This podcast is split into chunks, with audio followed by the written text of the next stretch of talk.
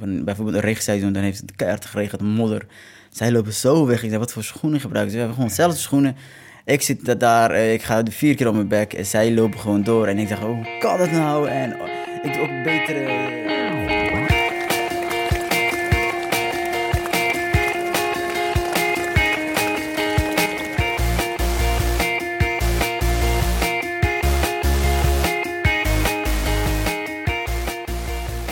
Welkom bij deze Suzy speciaal. Op vele verzoeken hebben we besloten nog iets langer met Abdi Nageye te gaan zitten. Nu samen met zijn biograaf André van Kats. Suzanne is er niet bij, die zit in Flagstaff. Die is nog even trainen. Is er volgende week weer. Ze heeft wel een paar vragen aan me ingefluisterd. Abdi en André, welkom hier bij Global Sports Communication in Nijmegen. Al moeten jullie mij eigenlijk welkom heten, want ik ben hier nog nooit geweest. Um, Abdi, vertel, wat heb je allemaal gedaan sinds je 206 in Rotterdam? Um, qua trainen niet veel, bijna niks. En, uh, maar ja, uh, veel media-aandacht. Uh, het is veel media verplichtingen en dingen gedaan. heel veel meet-and-greet dingetjes. Wel heel leuk, maar wel heel druk natuurlijk. Ja, bij de meet and greet moest je wel af en toe lopen, toch? Dus dan heb je toch Ja, ja, een beetje maar dat was voor mij dan ja, snel wandelen, weet je. en heb je nog hele rare vragen gehad in de media optredens de afgelopen anderhalve week? Um, ik heb zoveel vragen gehad, maar als ik terugdenk, ja, weet ik niet zo.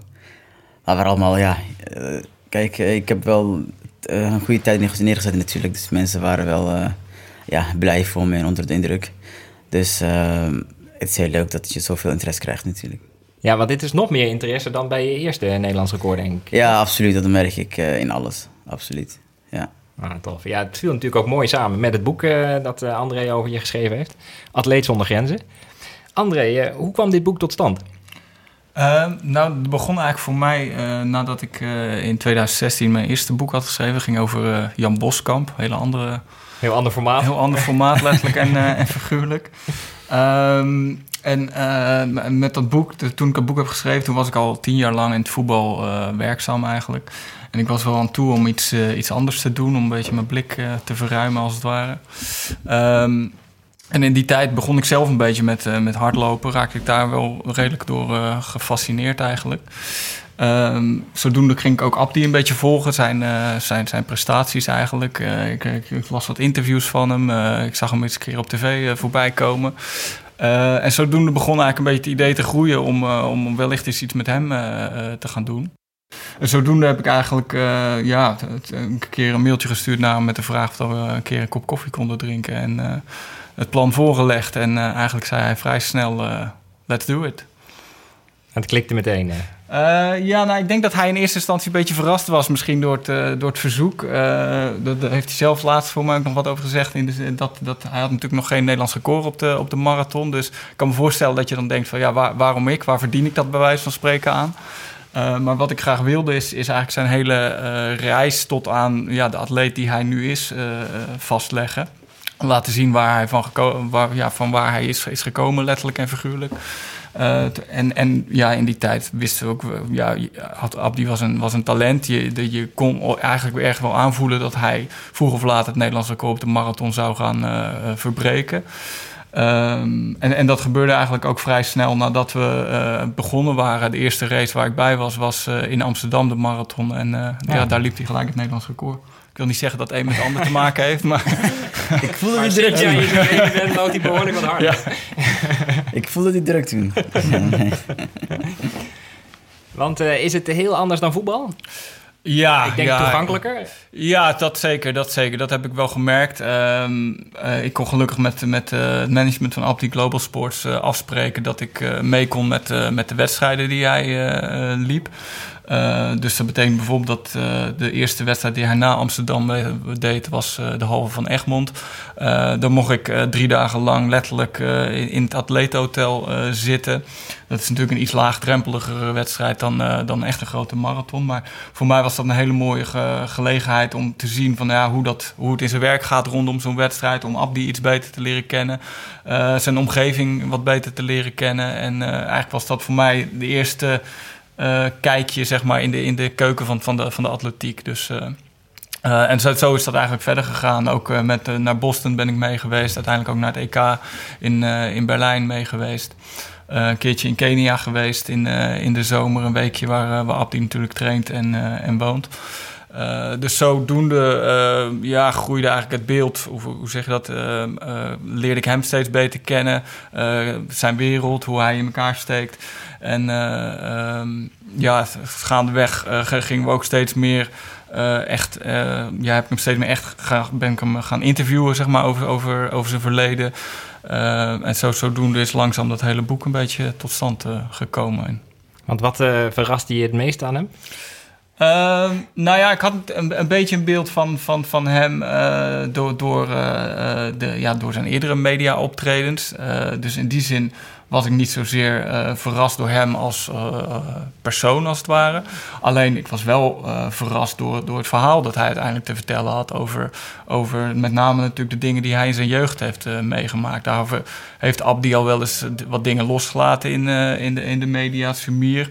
Alleen uh, nooit eerder had hij echt het, begin van, het verhaal van begin tot eind uh, verteld. En ja, dat maakte wel echt uh, indruk, indruk op mij. Dat, ik denk die gesprekken over de jeugd, dat hebben we voornamelijk gedaan vorige zomer toen, toen ik in Kenia was. en ik kan me nog herinneren dat we een van die gesprekken was bij, bij, bij Abdi thuis. Um, volgens mij in de, in, de woonkamer waren voor mij de kinderen op dat moment bezig. Hij zei, nou, laten we op de, op de slaapkamer gaan zitten. En in die slaapkamer, dat, daarom herinner ik me nog, was, was het licht uh, was, uh, was kapot. En terwijl we dat gesprek aan het voeren waren, werd het ondertussen buiten steeds, steeds donkerder. En er was geen licht op die slaapkamer. Dus uiteindelijk zaten wij zat, zat ik eigenlijk gewoon naar, in het donker te kijken, zeg maar. En dan hoorde ik alleen maar de stem van Abdi uh, uit, uit, het donker. Ja, een soort podcast hoorde ik, hoorde, hoorde ik de stem van Abdi uit, uh, uit het donker komen. En uh, ja, daar ging het ook bijvoorbeeld over. Voor mij hebben we toen nog gehad over zijn tijd in Somalië. zijn reis die hij uiteindelijk heeft gemaakt vanuit Somalië terug naar Nederland. en, en ik weet nog dat ik toen de taxi naar mijn hotel heb gepakt later op, op die avond. En dat ik daar wel echt even de tijd nodig had eigenlijk om, om het een beetje te, te, te verwerken of zo. Dat, dat heb ik, had ik nog niet zo vaak meegemaakt. Ik heb heel veel mensen geïnterviewd, vooral in het voetbal natuurlijk. Maar ik had nog niet, niet zo vaak meegemaakt dat ik echt uh, merkte dat het, dat het een soort... Ja, in die zin invloed had op, op me. En dat ik, dat ik echt even de, de tijd had, uh, nodig had om dat een beetje te laten bezinken. Want hoe was het voor jou, Abdi? Was het therapeutisch om het allemaal te vertellen? Of is het verhaal wat je wel veel vaker in je omgeving had verteld? Of? Um, nee, ik, heb, ik heb het, uh, wat grappig is, ik, als ik het vertel en ik lees het, dan denk ik, wow, wat heb ik allemaal meegemaakt. Maar het heeft geen echt invloed op me gehad. Ja, wel uh, qua, ik bedoel dan op, op een slechte manier, zeg maar. Dus ik zie het, um, ik heb geen nachtmerries van of zo, wat dan ook. Want zo zie ik het ook niet, eigenlijk niet. Het is, um, vaak was ik gewoon jong, maar je was wel van bewust wat, van bewust wat allemaal gebeurde. Dus bijvoorbeeld in Syrië, ja, we waren daar, het was allemaal oké. Dus niks geks meer, maar je werd wel geslagen op school. Soms ja. uh, pijnlijk ook. Ik weet nog dat, uh, dat een broertje keertje zo goed geslagen was dat hij gewoon twee dagen niet naar school kon. Oeh. Dus uh, dat zulke dingen wel, maar ja, als kind is het heel normaal daarom om je kind te slaan, om de kinderen te slaan. Dus je denkt dan dat het heel normaal is. Maar als je nu terugdenkt, denk je van, ja, eerst helemaal lekker in Den Helder en dan ga je boef, en dan zit je in Syrië, wordt met stok geslagen. Ja. en, en dan ga je weer naar Somalië, waar je gewoon geweren ziet. Uh, ja, ik heb ook, ik heb ook schietpartijen meegemaakt. Niet, niet, niet in de buurt, zeg maar. Of iemand die gestoken was met een mes. Of wat dan ook. Dus al die dingen, als je nu terugdenkt, denk je, was allemaal heftig. Maar op dat moment, ik ben iemand die heel snel aanpast, denk ik. Dus ik paste heel snel aan in dat omgeving. Ik, um, ik was wel altijd lekker veilig, maar je zag het wel allemaal gebeuren. Dus nu als ik allemaal achteraf allemaal op, in een rijtje zie, want het boek lezen best heel snel. Dus je kan echt, ja, als je toen ik elke keer moest checken, was ik ja, binnen twee dagen eruit. En dan denk je van, oeh, dat zijn heel veel verhalen wat ik allemaal meegemaakt ja, heb. Ja, ja, Dus het was in, in, in, die zin is het wel um, goed nu dat het, dat het staat. En uh, maar dat mensen kunnen zien, ja, ik, ik, ben geen, ziel, ik ben geen zielige persoon of zo. Ik heb uh, die dingen heb ik meegemaakt en uh, ik, ik heb ook altijd geprobeerd om, om het best van te maken. En, um, nou, ik denk ook vaak dat je, ja, niet per se van Somalië, maar dat je van veel reizen en op veel plaatsen wonen, dat je daar een rijker mens van wordt. Ja, absoluut. Je gaat dingen uh, waarderen. Je gaat, uh, soms zit ik in Kenia en dan gebeurt weer iets, of het nou corruptie is of wat of uh, iemand die oneerlijk wordt behandeld daar en ehm, gezondheid, alles daar. En dan, en dan open ik het nieuws, weet je wel, ook naar Volkskrant of nu.nl en dan zie je dat we in Nederland of kleine dingetje helemaal in de zeuren zijn. Dan denk je van Zo, Ja. dat is een andere wereld. Even Dus- perspectief. Ja. Dus zulke dingen maak je wel eh, ook dankbaar. Dus elke keer als ik in Nederland ben, dan denk ik, ja, dit is gewoon een paradijs hier. Het is gewoon zo smooth. Als je heel veel reist, dan zie je ehm, ja, zoveel dat je van alles een beetje bewust wordt. Zien, je, zien die jongens uit je trainingsgroep Nederland eigenlijk ook zo? Denk je? Of, eh, Ik denk niet dat al de meeste van hen, die, die kunnen hier niet, gaan, die kunnen niet eh, in Nederland wonen bijvoorbeeld. Die zullen niet hier gaan wonen. Die, die, ze zijn daar gewend. Ook nu, hè, als ze naar Global komen hier, ze moeten twee weken blijven of zo. Dan kijken ze echt naar uit om terug te gaan naar gewoon hun plek. ja. Dat is best grappig om te zien. Nou ja, ik, Dus- vind, ik las dat jij Utrecht Centraal ook best heftig vond, bijvoorbeeld. Ja, ja. Ik ben je daar wel eens tegengekomen toen het heel erg druk was. Dat was heel grappig, want eh, jij kende mij helemaal niet. Maar omdat ik jou zo goed kende van alle foto's, zei ik... Ja. Welke trui pak jij, Abdi? ik zag jou kijken, maar wie is die gast? Maar, maar dat, want dat is wel... eh, dat is wel Ja, als, je, um, verschil. als je terugkomt, vooral eh, kom je op Schiphol en dan eh, soms pak je de trein of soms word ik opgehaald. Maar dan zie je hoe, hoe ehm, dat mensen gewoon in een tunnel eigenlijk lopen zijn. Ja. Dus de ene deze kant, de andere groep die kant.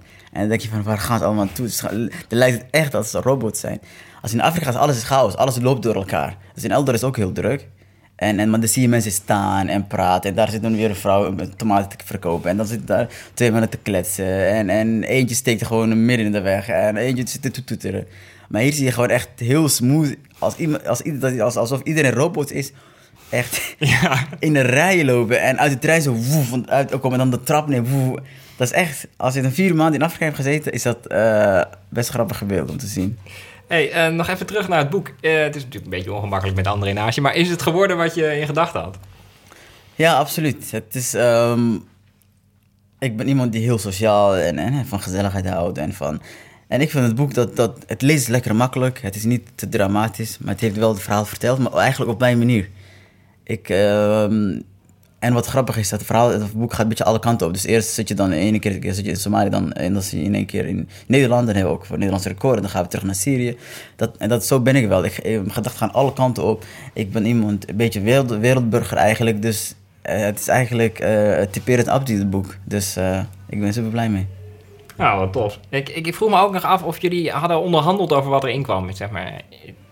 Hebben jullie daar nee, nee, over gehad? niet, niet zozeer van tevoren eh, over gehad. Maar ik heb natuurlijk wel gaandeweg eh, steeds wat stukken opgestuurd naar hem. Kijk, ik, ik, kan me, ik kan me heel goed voorstellen dat Abdi in de eerste maanden dat ik, dat ik hem heb gevolgd... dus, dus eh, in Egmond was ik mee en, en in Boston bijvoorbeeld... toen had ik nog niks, niks op papier staan of wat ik aan hem kon, kon laten zien. Ik kan me best voorstellen dat hij toen wel eens heeft gedacht van... Waar, is hij in godsnaam mee bezig, weet je wel? Want ik liep dan maar een beetje rond en achter zijn, eh, achter zijn kont aan. Maar uh, ik, ik, had het idee dat, dat toen ik hem voor het eerst iets kon laten, uh, laten zien... ik denk dat het boek toen voor, voor de helft klaar was, bij wijze van spreken... Ik heb het idee dat toen dat hij er een beetje gevoel bij kreeg... en dat hij, dat hij snapte waar ik naartoe wilde... En wat, wat voor boek ik ermee voor ogen had. En dat hij, ja, ik had ook het idee dat hij toen steeds enthousiaster erover werd. Ik, uh, er zijn een paar dingen in het boek die, die heel kort worden besproken en die ik heel interessant vond. Uh, dus die ga ik er toch even uithalen. En okay. ten eerste dat je twee jaar geleden werd geraakt door de bliksem. Ja. Want volgens mij herinner ik me ook dat je dat op Facebook schreef inderdaad. Ja, klopt. Dat was eigenlijk het huis waar je dan uh, kwam, dat veld daarnaast. Toen, uh, toen André naar me toe kwam, waar we net over hadden in dat donkere kamer. Uh, daar heb je drie voetbalvelden ongeveer naast elkaar. En sommige middagen dacht ik, het is wel, is wel lekker om daar de middagtraining te doen. We moeten dan 50 minuten easy doen, 10 kilometer. En het begon, uh, het was in de regenseizoen. Dus ik, ik zag al, het gaat regenen, dus ik, ik kan beter in de buurt blijven. En het werd steeds maar donkerder en uh, onweer en bliksems overal. En, maar ik wilde het afmaken. En soms als het lekker een beetje heeft geregend en je loopt een beetje door en ik had muziek op en dat, dat voelt wel lekker. En op een gegeven moment dacht ik, ja, ik, ik vond het niet heel veilig, zeg maar. Ik dacht, ja, misschien moet ik nu naar binnen. Maar op een of andere manier, ik zag echt voor mij gewoon, vlak bij een boom, um, keihard flits. Dus ik weet niet of dat de bliksem daar was. Of dat het, op dat uh, moment. Ja. Maar iemand, later vertelde me dat daar een jongen was omgekomen twee jaar geleden. Oh, is bijna hetzelfde plek. En dat ik gewoon één keer gewoon dikke licht voor me zag in één keer ja, ik schrok zo erg. Omdat, omdat je ook ja, wist, ja, iets, iets komt eraan. Want ik denk acht, ongeveer kilometer verderop, was tien minuten, tien minuten daarvoor echt keiharde bliksem. Echt keihard geluid, echt een dikke knal. En toen dacht ik, oh, die, eh, maar het is nog eh, tien minuten nog afmaken, ik wil afmaken. En ehm, ja, eh, dat was, was heel stom natuurlijk om, eh, om door te lopen. En eh, ja, keihard eh, versneld naar huis. Gelijk toen ik, ik sprintte gewoon het ongeveer 600 meter naar mijn huis. Eh, ik zat echt een uur lang zat ik te hijgen gewoon. Ehm, dat was, ja, dat was eh, een vervelende ervaring. Dus niet in de regen eh, en als het onweer is, niet te gaan lopen. Dat is de eerste les uit deze podcast. Ja. Wees voorzichtig, mensen. Hey, eh, en je zegt ook dat je na Berlijn liep je vorig jaar het EK marathon. Ehm, toen was je teleurgesteld, maar ook dat je teleurgesteld was dat je niet op je voorvoet liep.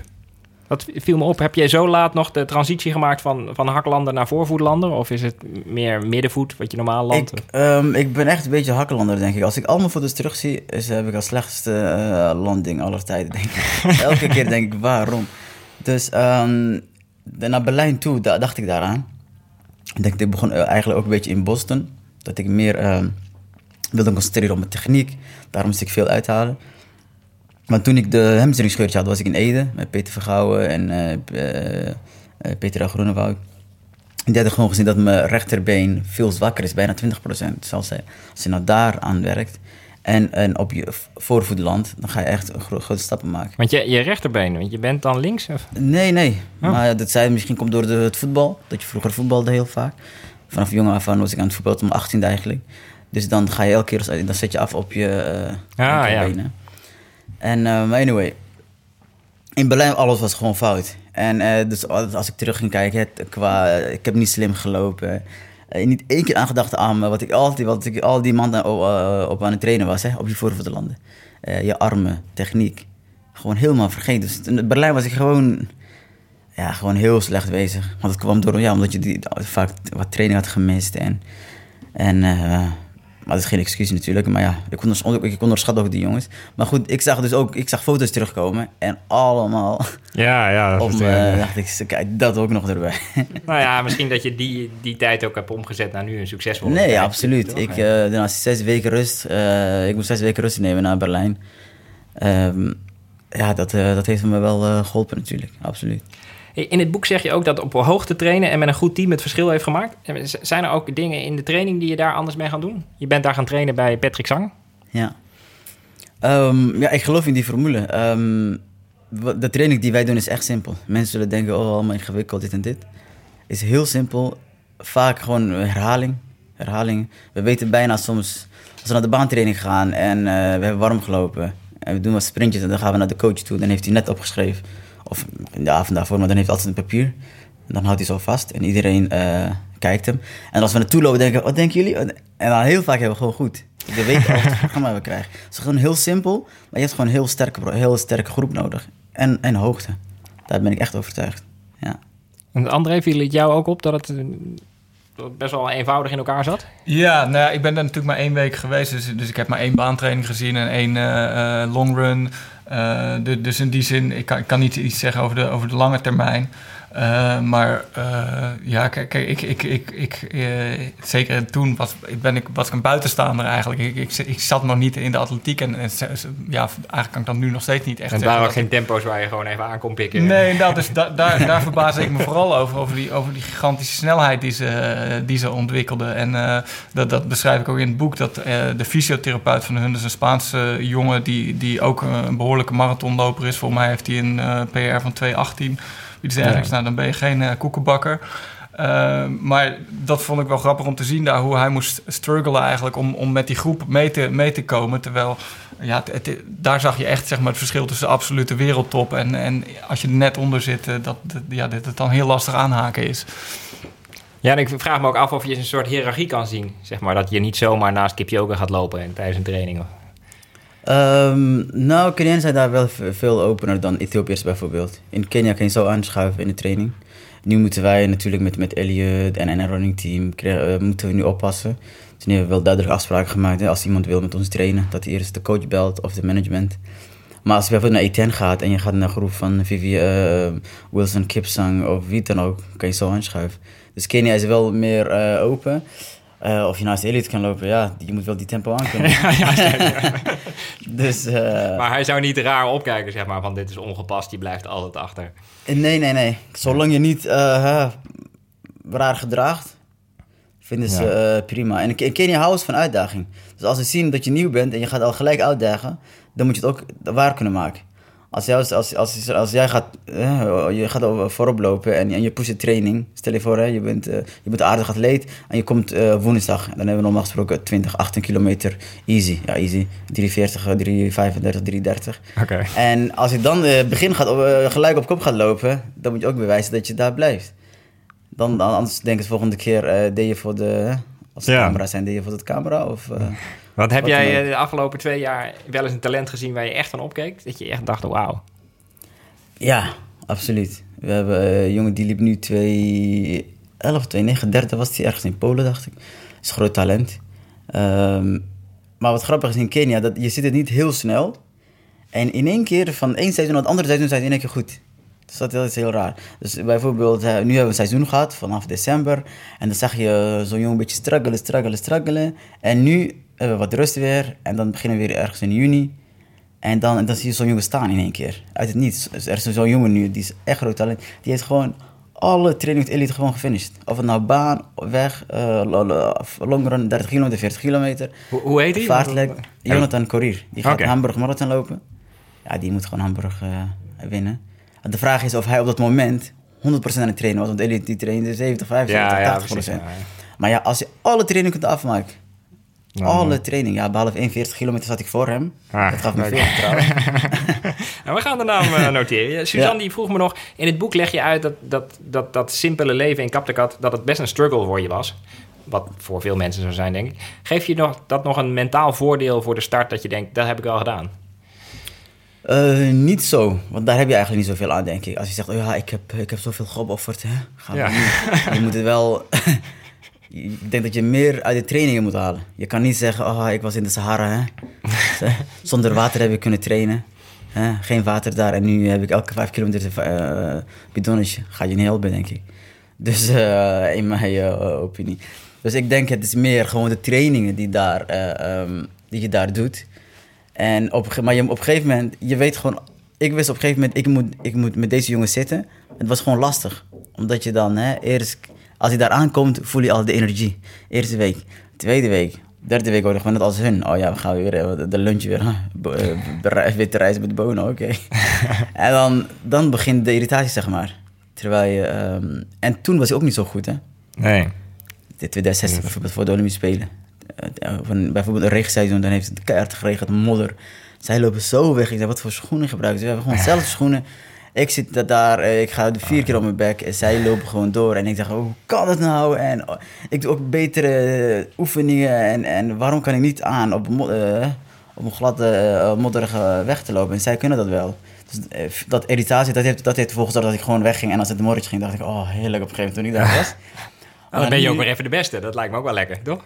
Ehm, nou, in Morris was ik dan in mijn eentje op een gegeven moment. En, ehm, maar wat grappig is, er zijn een paar jongens, ik ga geen namen noemen, die bij onze groep zitten, grote, grote Keniaanse eh, atleten. Die zijn op een gegeven moment eh, een beetje weggaan, omdat ze ook dachten, ja, ik ben hier ook de captain, niet Elliot of zo. Terwijl Elliot niet helemaal gedraagt als captain. Die ging dus naar andere eh, dorp Ja. en daar gewoon trainen. En eindigen ze nu vierde, vijfde, zesde, zoiets. Dus je moet... Kan je niet tot namen ver- verleiden, merk ik. Maar wat, ja, wat ik zei is... ehm, maar op een gegeven moment, omdat je nu goed kon trainen... vind ik de rest prima. Hè? Of het nou eh, het eten niet, niet mijn Ja. favoriete eh, gerecht is... geen probleem. Omdat je gewoon lekker 40 kilometer gewoon met elite eh, had gefinished.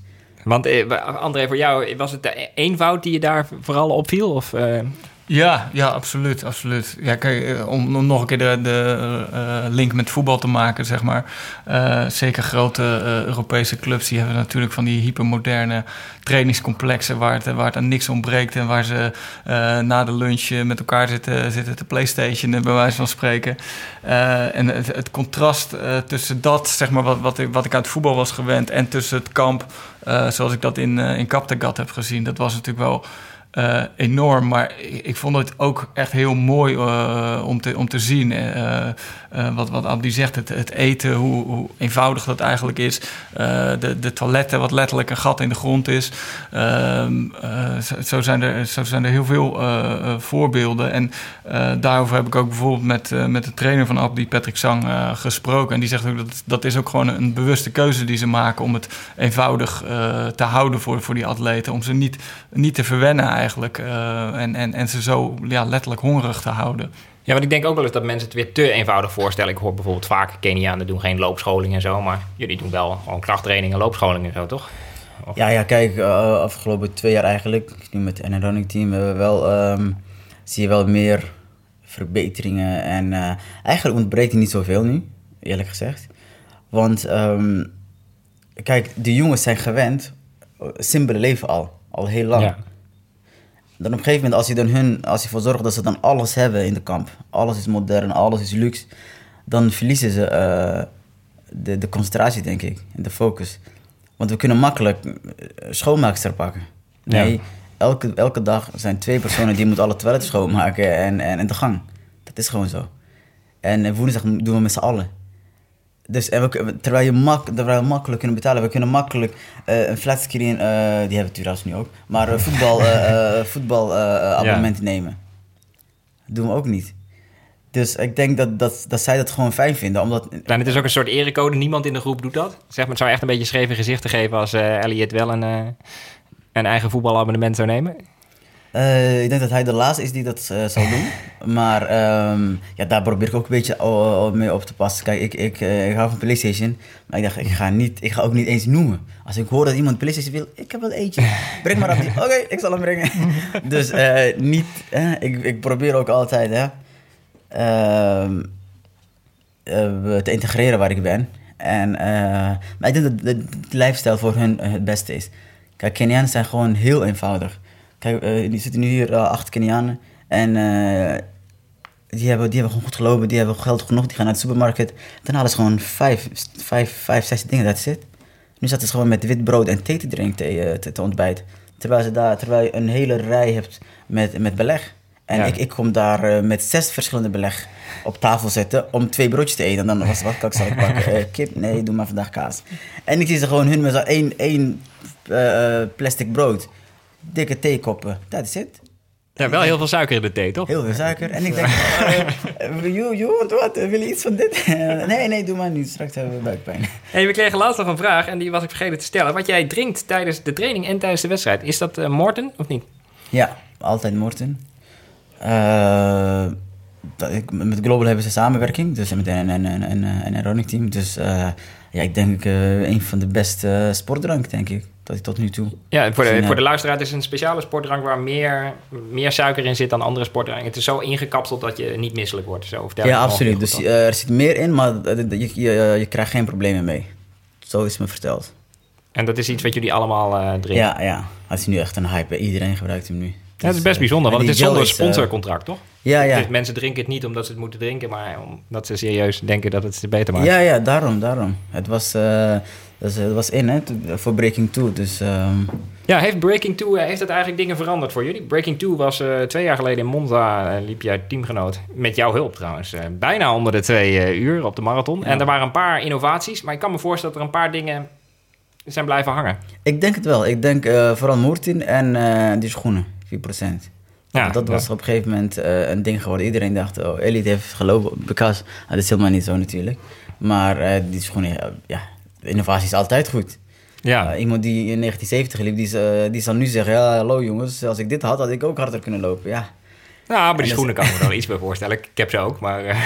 Nee, daarom. Het is, het is innovatie. Dus uh, dingen gaan vooruit met andere uh, dingen. Nu met, met, met drank, met oefeningen, met bepaalde techniek, met, met goede schoenen. Ga je vooruit. Ga vooruitgang boeken. Dus, maar het heeft zeker ons, wel ons kamp een stempel opgedrukt. En, en heel wereld weet waar het kamp, Global Camp ligt, ja. Jij was de allerlaatste haas die met hem meeliep. Was dat van tevoren ja. al afgesproken? Of, ja, ja.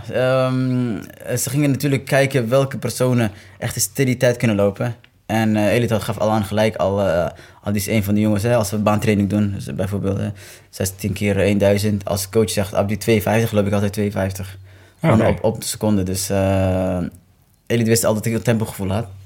En uh, daarom was ik, en, en een teamgenoot van hem, want de andere jongen was de Lagat en uh, ik denk die 5000 meter loper. Maar goed, Ja. het was, was heel bijzonder. Was heel bijzonder. Ja, ik kan me voorstellen. Andere, heb je eigenlijk andere atleten ontmoet, eh, misschien wel in Kaptekat, waarvan je dacht, oh, daar wil ik ook wel een boek over schrijven? Nou ja, we hebben het net over Elliot.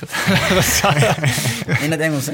ja, in het Engels. Hoe is die Engels? Uh, nee, nee, nee, nee. Ik, ik heb daar verder nog geen uh, concrete plannen over. Kijk, uh, Elliot heeft volgens mij wel een keer geroepen dat hij na zijn carrière een boek wil. Dus nou, laat ik door deze dan die open sollicitatie erin gooien. hij zegt ook prachtige dingen, ook in, in dit boek. Van die boom. Ja, dat Ja. Het beste moment om een Ja. boom te planten is 25 jaar geleden. En het ene beste moment is nu. Ja, Ja, klopt. Voor mij, is- voor mij is het een vat vol eh, eh, levenswijsheden. Ik weet eigenlijk niet of dat in het kamp dan ook zo, zo is. Dat hij daar... eh, mee dat jij zegt, waar is dat hij, Ja. hij een hele mooie metafoor heeft. Nee, nee, nee, hij is gewoon echt een wijze man. Ik, ik weet nog, eh, twee dagen geleden, of was het drie dagen geleden, belden de jongens mij. Die, eh, die wisten, ah, eerste dagen, ja, ze hadden druk met media, dit en dit. Dus die belden me via, via WhatsApp video. En eh, dus de hele groep erachter, ah, heb je goed gedaan? Oh, hè? Iedereen schreeuwen zo. En eh, vier, vijf man. En Eli was iets aan het doen. Ik zag hem zo bukken en, en naar de camera toe komen. En hij hoorde dat ik dan zei... ehm, ja, de volgende keer 2-5 sowieso, 2-5. Hè? Eh, Ik liep nu met hem met eh hamstringproblemen. En dan komt hij heel snel met energie dat je denkt... Ja, het is echt ongelooflijk. Abdi, why 2-5? You were able to run 2-5 Sunday, okay? This, the next one is 2-4. Forget about 2-6. You run 2-6 with problem. You were able to run 2-5. Next one is 2-4. en dan, dat hij dan in één keer dat Oh, wauw. zo snel ook, ook... En dan in één keer... Ja, klopt. Dus eigenlijk was mijn doel om 2-5 te lopen.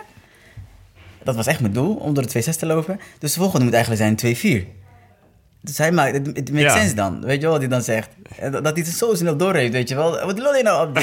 Zo 2-5. Wauw, wauw. Ja, want ik las dat je Ja, ook eh, echt. boekentippen van hem kreeg, aan boektips. Dat je Stephen Covey het boek had gelezen, eh, Zeven eigenschappen van succesvolle Ja, mensen. dat had ik echt voordat ik naar Kenia eh, Oh, gaan gelezen had. Dit- dit had ik van... eh, was het nou van Jos of Johan Voogd vroeger? Ik denk het van Johan Voogd, ja. Ah. Toen- Een programma deden we dat, met, met de jongens. Dat was, eh, dan was je blauw of, of rood, weet ik Oh, ja, ja, dat ja, ja. Ik was dan meer eh, rood, doener. en een klein beetje blauw, een klein beetje denken. maar to- dan, dan al, maar op een gegeven moment, eh, ehm, ja, was grappig. Dan kom ik naar Kaptagat en hij leest, eh, wat, wat ik allemaal interessant vind, hè. Le- eh, mensen waar je van kan leren, boeken waar je iets van eh, aan hebt, iets aan hebt. En dat was heel mooi om te zien. Ja, je citeerde ook de biografie van eh, Andrew Agassi. Ja, eh, daar heb ik dus, ehm, ik weet nog dat ik heel, heel snel doorheen had gelezen. Zo'n mooi boek. En één ding bleef bij mij, was altijd op het moment blijven. Dus hij, zijn vader zei elke keer tegen hem, als, je, als de, de, bal dat er nu komt, dat je dan nu, ehm, als je hem geraakt, dat dat de beste raak was. Dus dan was je techniek dus perfect. Je houding was perfect, je arm was perfect, de slag was perfect, dat was het. En dan concentreer je volgende. Hoe ga ik nu die aanpakken? De bal komt weer aan, hoe ga ik deze pakken? Dan blijf dus in het moment. En niet zo van, sta eh, ik zet achter, eh, dan, dan ga je gedachten weg. Hè? En dat, heeft, dat, dat, dat is bij me gebleven altijd. Dus altijd, hè, dat dat- dan moet je eerst leren. Dus nu had ik in, in Rotterdam bijvoorbeeld, als ik zei Abdi, in het moment, dan was het in het moment, betekent voor mij dan voorvoet landen, eh, niet zittende lopen, je arm iets naar beneden. En naar voren kijken. Dat, dat, dat, dat is dus Ja, als want- ik aan denk aan het moment. Want zeker in de marathon is de, de, de verleiding heel groot om zeg maar te denken... het gaat nu nog wel goed, maar ik moet nog 12 kilometer enzovoort. Het is best wel moeilijk om heel erg bezig te zijn met het moment zelf. Ja, ja, je kan- gedachten gaan alle kanten op. Er gebeurt wat en dan in één keer paniek. Water, eh, waterpost komt eraan, eh, weer paniek. En dan moet je eigenlijk zeggen, oké, nu komt waterpost aan. Wat heb ik mezelf afgesproken? Ruimte nemen. Je staat nummer, eh, jouw drank is nummer 12. Iets naar buiten lopen eerst. Nu zit het op 9. Naar binnen. Tak pakken. Rustig. Dat, dan blijf je in het moment. Dan weet je wat je allemaal moet doen. Dus dan, dan pak ik de drank. Normaal gesproken ga je dat te snel weer drinken. Even wachten. Normaal je ademhaling weer pakken. En dan, en dan blijf je jezelf eigenlijk alsof iemand anders jou de les aan het leren. eh, Of eh, Ja. alles aan het vertellen is wat je nu moet doen. En dat, dat is... eh, dat kan je constant... Dat kan je leren in de trainingen. Suzanne had nog een mooie vraag voor je. Die zei, je hebt op heel veel verschillende plekken gewoond. Kan je bij die plekken een bepaalde les aangeven die je van die plek hebt meegekregen? Dat is best een lastige vraag, dus misschien... Welke plekken dan? dan Ja, ja, ja, ja, je hebt in Somalië gewoond, je hebt in Den Helder gewoond, je hebt in Syrië gewoond.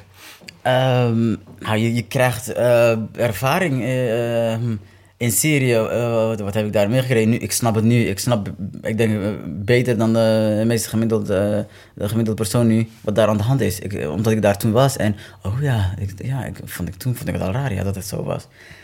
In Kenia en Ethiopië, wat heb ik daar geleerd? Ja, daar hebben ze echt lekker eten. en mooie vrouwen.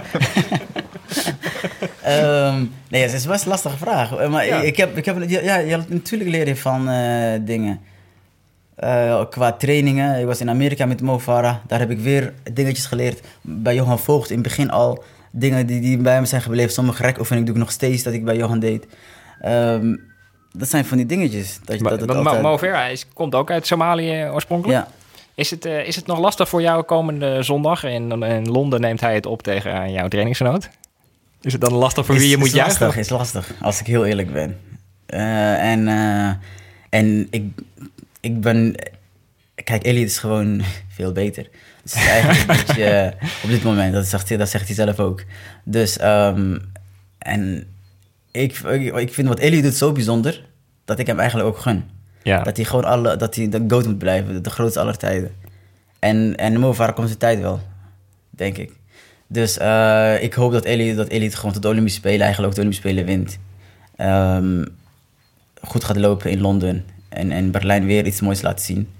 Dat, dat gun je hem gewoon. Ja. Als iemand zoiets voor de sport doet, ook Mo is groot. Hè? Londen heeft weer de atletiek. eh, eh, natuurlijk, ik zeg vaak ik zeg ook tegen de Kenianen, we moeten, jullie moeten niet denken, ehm, ja, wat nu, wat, wat ehm, eh, ze, ze vaak denken ze, Kenianen moeten alles winnen. Dat is heel slecht voor de sport. ja. Dus zij moeten daarvan bewust van zijn. Nu toen eh, bijvoorbeeld, daar hadden discussie over. Toen de 5000, 10.000 werd geschrapt in de Diamond League, zei ik... Ja, misschien ligt het ook een klein beetje aan jullie. Misschien moeten jullie Keniaanse bond en Ethiopische bond in de spiegel kijken. Wat konden wij beter doen? Eh, zit iemand te wachten dat 10 Kenianen in de finale staan? Nee. Waarom gaan ze zo makkelijk naar eh, Bahrein? En, en, en natuurlijk corruptie speelt. Ja. Maar dan moeten Kenianen niet heel snel gaan schrijven van... Oh, is het discriminatie of is dit en eh, dat gebeurt dit. Nee, geld komt eigenlijk uit het Westen, dus jullie moeten eh, eh, beter kijken. Ik zei, eigenlijk moeten jullie net als hè, Incredible India, wat dan ook, eh commercial maken in de hele wereld. Kom naar Kenia. Kom Ja. Kenia trainen. Jongens, bijvoorbeeld als Julian bijvoorbeeld gebruiken, als Jane en Jake Robertson. ik bijvoorbeeld. Kom naar Kenia, ga met de best trainen en je wordt goed. Dat is goed voor de sport. Ik denk niet dat jullie Ja. alles gaan winnen. alles willen winnen, want dan gaat het fout. Dus de vraag was of Elliot wil. nee, maar ik gun dus Elliot wel. Maar het moet wel ook... Aan de ene kant... Het zal wel heel mooi zijn natuurlijk als er een goede battle komt. ja. Dat is goed voor de sport. Dan moeten dat, mensen moeten dat, niet, eh, dat niet vergeten. Eh, André, volg jij zo'n marathon nu ook met, met nieuwe interesse? Ja, absoluut, absoluut. Ik bedoel, ik heb maandag eh, Boston zitten, zitten kijken natuurlijk. Eh, ja, daar kan ik nu wel echt van, van genieten, van, van, van, zo'n eindsprint tussen die twee eh, jongens. Dat, dat ja, vind ik echt fantastisch om, eh, om te zien. En, en Londen ga ik in die zin ook wel echt met, met bijzondere interesse en ook met andere ogen bekijken. Omdat, omdat ik nu natuurlijk zelf weet van wat, wat een jongen als Elliot eh, ervoor doet en, en, en, en laat om dat niveau te, te halen. Dus ja, daar kijk ik wel naar uit. Want als wij tv kijken, dan hebben wij tegenwoordig een obsessie met de tussentijden. Hebben die jongens dat zelf onderweg ook of niet? Absoluut, absoluut.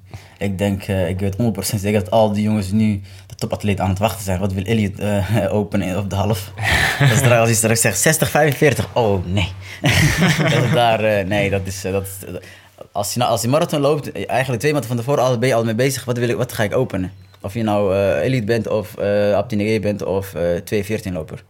Snap je? Dus Ja. iedereen is mee bezig. Wat, wat, wat wil ik openen? Dat is, dat is, dat is cruciaal. En de opening is dan de eerste De halve halve. marathon. Ja.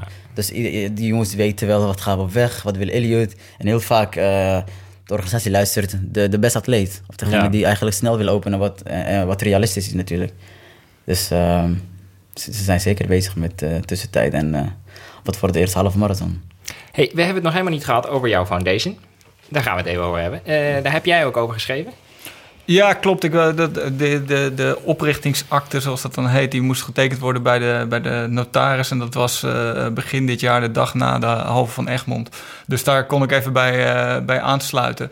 En ik heb natuurlijk met Abdi gesproken over, over zijn, zijn foundation en wat dat voor hem betekent. En kijk, in het boek speelt, speelt Somalië een, een, grote rol. Het gevoel dat Abdi daarvoor heeft.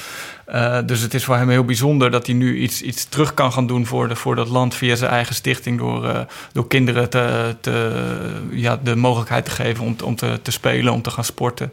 Uh, eigenlijk de mogelijkheden die hij zelf heeft gehad als kind hier in Den Helder, die wil hij over gaan dragen aan, aan kinderen in, in Somalië.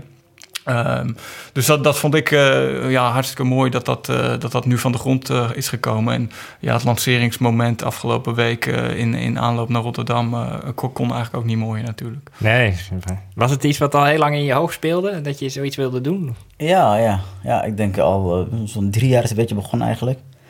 Dat ik dacht, um, want ik, ik, ben iemand, ik ben echt een wereldburger, dus ik volg een beetje politiek, de hele wereld, politiek van internationale politiek, maar ook in Somalië ook. En dan... Um, en nu is echt hoop in Somalië. Dus het gaat weer beter. Uh, we hebben een termregering. Uh, die wordt internationaal allemaal erkend. En het gaat heel goed na 25, 30 jaar. Maar ik, ik zag, dan zie je beelden. Soms leedschieten, uh, komt een beeld, basisschool. En dan en zag ik één, ik weet nog één moment, gewoon lege plein. En ik dacht, wat gaan die kinderen doen als ze naar buiten komen? Um, dan, ging, dan, dan verdiepte ik daar een beetje in en dan uh, ging ik rondkijken, mensen rondvragen. Is er een speeltuin voor kinderen? Ook niet. Dus voor hen is dat helemaal eigenlijk niet belangrijk. Omdat ja, overleving is nu, was, eerst was overleving belangrijk. En nu is het uh, hè, dat de regering staat, dat de politie weer goed werkt, uh, leger, veiligheid. Dat, dat gaat allemaal voorop. Maar dan vergeten ze de kinderen, want die, die moeten straks ook overnemen. Als die nu niet goed opvoedt en niet goed betere eigenschappen laat ontwikkelen, dan komt het ook nooit goed. Dus ik dacht, ik, ik, ik concentreer niet meer uh, op uh, dat, maar meer op mijn kinderen. En, dat ik, en ik vond zelf heel belangrijk, uh, of ik denk dat het heel belangrijk was voor mij, dat ik lekker kon spelen toen ik in Den Haag aankwam. Daarna ook in Syrië. Dat je als kind gewoon lekker buiten mag spelen, dat het veilig is. En dat je ook de mogelijkheid hebt om te spelen met elkaar, de hele buurt. Alle, is veel beter dan, dan, dan natuurlijk. Ze hebben daar helemaal niks. En, um, dus dat wilde ik eigenlijk uh, helpen. Maar ja, ik dacht, ja, hoe ga je dat doen? En op zo, zo kwam eigenlijk een paar um, dingetjes. Bijvoorbeeld uh, om, om, om eigenlijk, uh, wat ik daar zei, hè, dat het schoolplein dat gewoon leeg was, om daar gewoon sp sp speelapparaten neer te zetten. En um, zo begon eigenlijk de stichting dat ik echt wel iets met kinderen wilde. omdat, omdat ik zelf ook heel belangrijk vond. Nou, voor de luisteraars, zoek het op. De, de, het heet de Abdi Nagea Foundation. .org, Ja. Oké, heel goed. Hey, ik wil het nog heel even hebben over uh, de toekomst. Ik las deze week dat je nog een jaar of zeven, acht wil lopen. Ja. Uh, wat, wat heb je daarna in je gedachten? Coaching bijvoorbeeld, of niet? Um, denk je coaching lijkt me wel wat. Maar als ik in Kenia zie hoe laat Patrick moet wakker worden... dacht ik, ik, ik moet nu elke keer om half uh, zes wakker worden. Of ik daar nog zin in heb dan. om de rest van mijn leven alle vijf, uh, vijf uur wakker te worden. Nee, um, ik vind coaching echt super leuk, denk ik. Ik probeer ook altijd mensen te helpen, de jongens een beetje te helpen. Altijd uh, dingen, tips te geven, aanwijzingen te geven. Um, soms hebben we baantraining, dan zie ik een jongen die eerst met de eerste groep gaat lopen, helemaal voorop in het begin en dan helemaal kapot gaat. Dan, ga ik echt naartoe. Dan ben ik echt de enige, weet ik zeker, dat, ik, die naartoe gaat en zegt: Ja, waarom ging je niet hè, lekker opbouwend van achter eerst? Maak je nou of 3-5 loopt of 3-6 en dan zo dat je de laatste kilometers je sterkste is. Dus zulke dingen. Dus ik, ik weet het echt niet. Ik wil wel in dat blijven. Uh, bij Global blijven werken lijkt me leuk. Misschien met NN uh, dingen doen ik denk wel in de atletiek. Ik denk niet dat ik uh, atletiek los kan laten. Nee, dat lijkt me ook uh, heel goed. Uh, op de iets kortere termijn, vroeger stond je echt bekend als een crosser, maar ik heb je de laatste tijd niet meer op de cross gezien. Nee. Gaan we je nog terugzien? dat wordt lastig. Want ja, ons, ons, ons, voorbeeld, onze grote voorbeeld is Elliot. En die, ja, die traint gewoon dat formule wat hij heeft, spreekt me aan. Gewoon die, die uh, geduld hebben om vier, vijf maanden te kunnen trainen. Misschien één marathon, een half of uh, vijftien of, of ten maal tussendoor. En dan een marathon lopen. Dat dat gewoon succesformule is. Misschien zal het niet voor, voor iedereen werken, maar wat ik nu heb gezien, lijkt dat, denk ik dat het voor mij het beste is. Niet te veel wedstrijden willen. Sommige atleten doen dat wel. Ah, Joshua dus, Tep, is een teamgenoot van je? Die uh, nu deze, maar, ja, een aerobic team member, maar die is geen marathonloper. Nee, nee, maar wel. Camorro ver. wel. Ja. Geoffrey Camorro loopt half een marathon. Eh, hadden we laatst over. Toen dachten we, ja, hij is echt een groot talent. Ik denk dat de National Geographic of Discovery heeft een programma over hem over gemaakt. Een tijdje geleden. Eh, ik heb de naam weer vergeten. Dat hij echt een groot talent zal worden. Maar die loopt wel heel veel. En dan moet je, op de marathon moet je dus boksen met Elliot. Als hij cross gaat, dan moet je tegen Joshua. Op de baan moet je boksen met uh, Mo. En dan is het heel lastig om, Ja, overal. om allemaal te winnen. Dan werd hij tweede eh, vaak.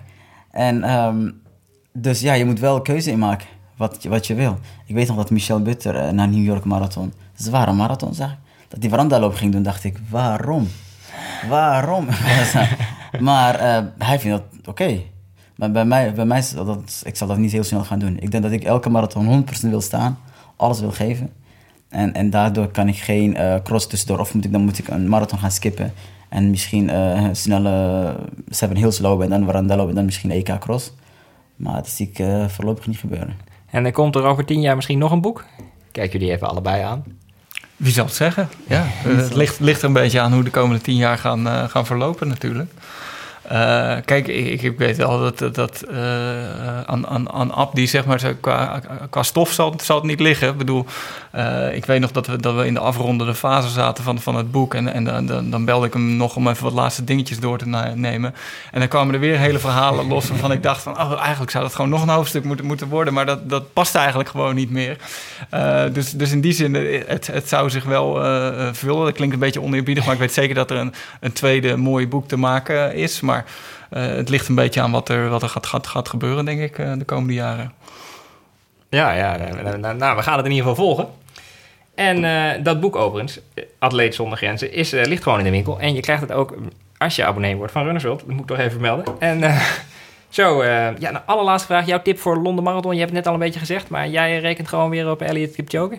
Ja, Tijd? Elliot- Elliot- Durf je daar iets over te zeggen? ehm, ik denk eh 2-2 gaat het worden.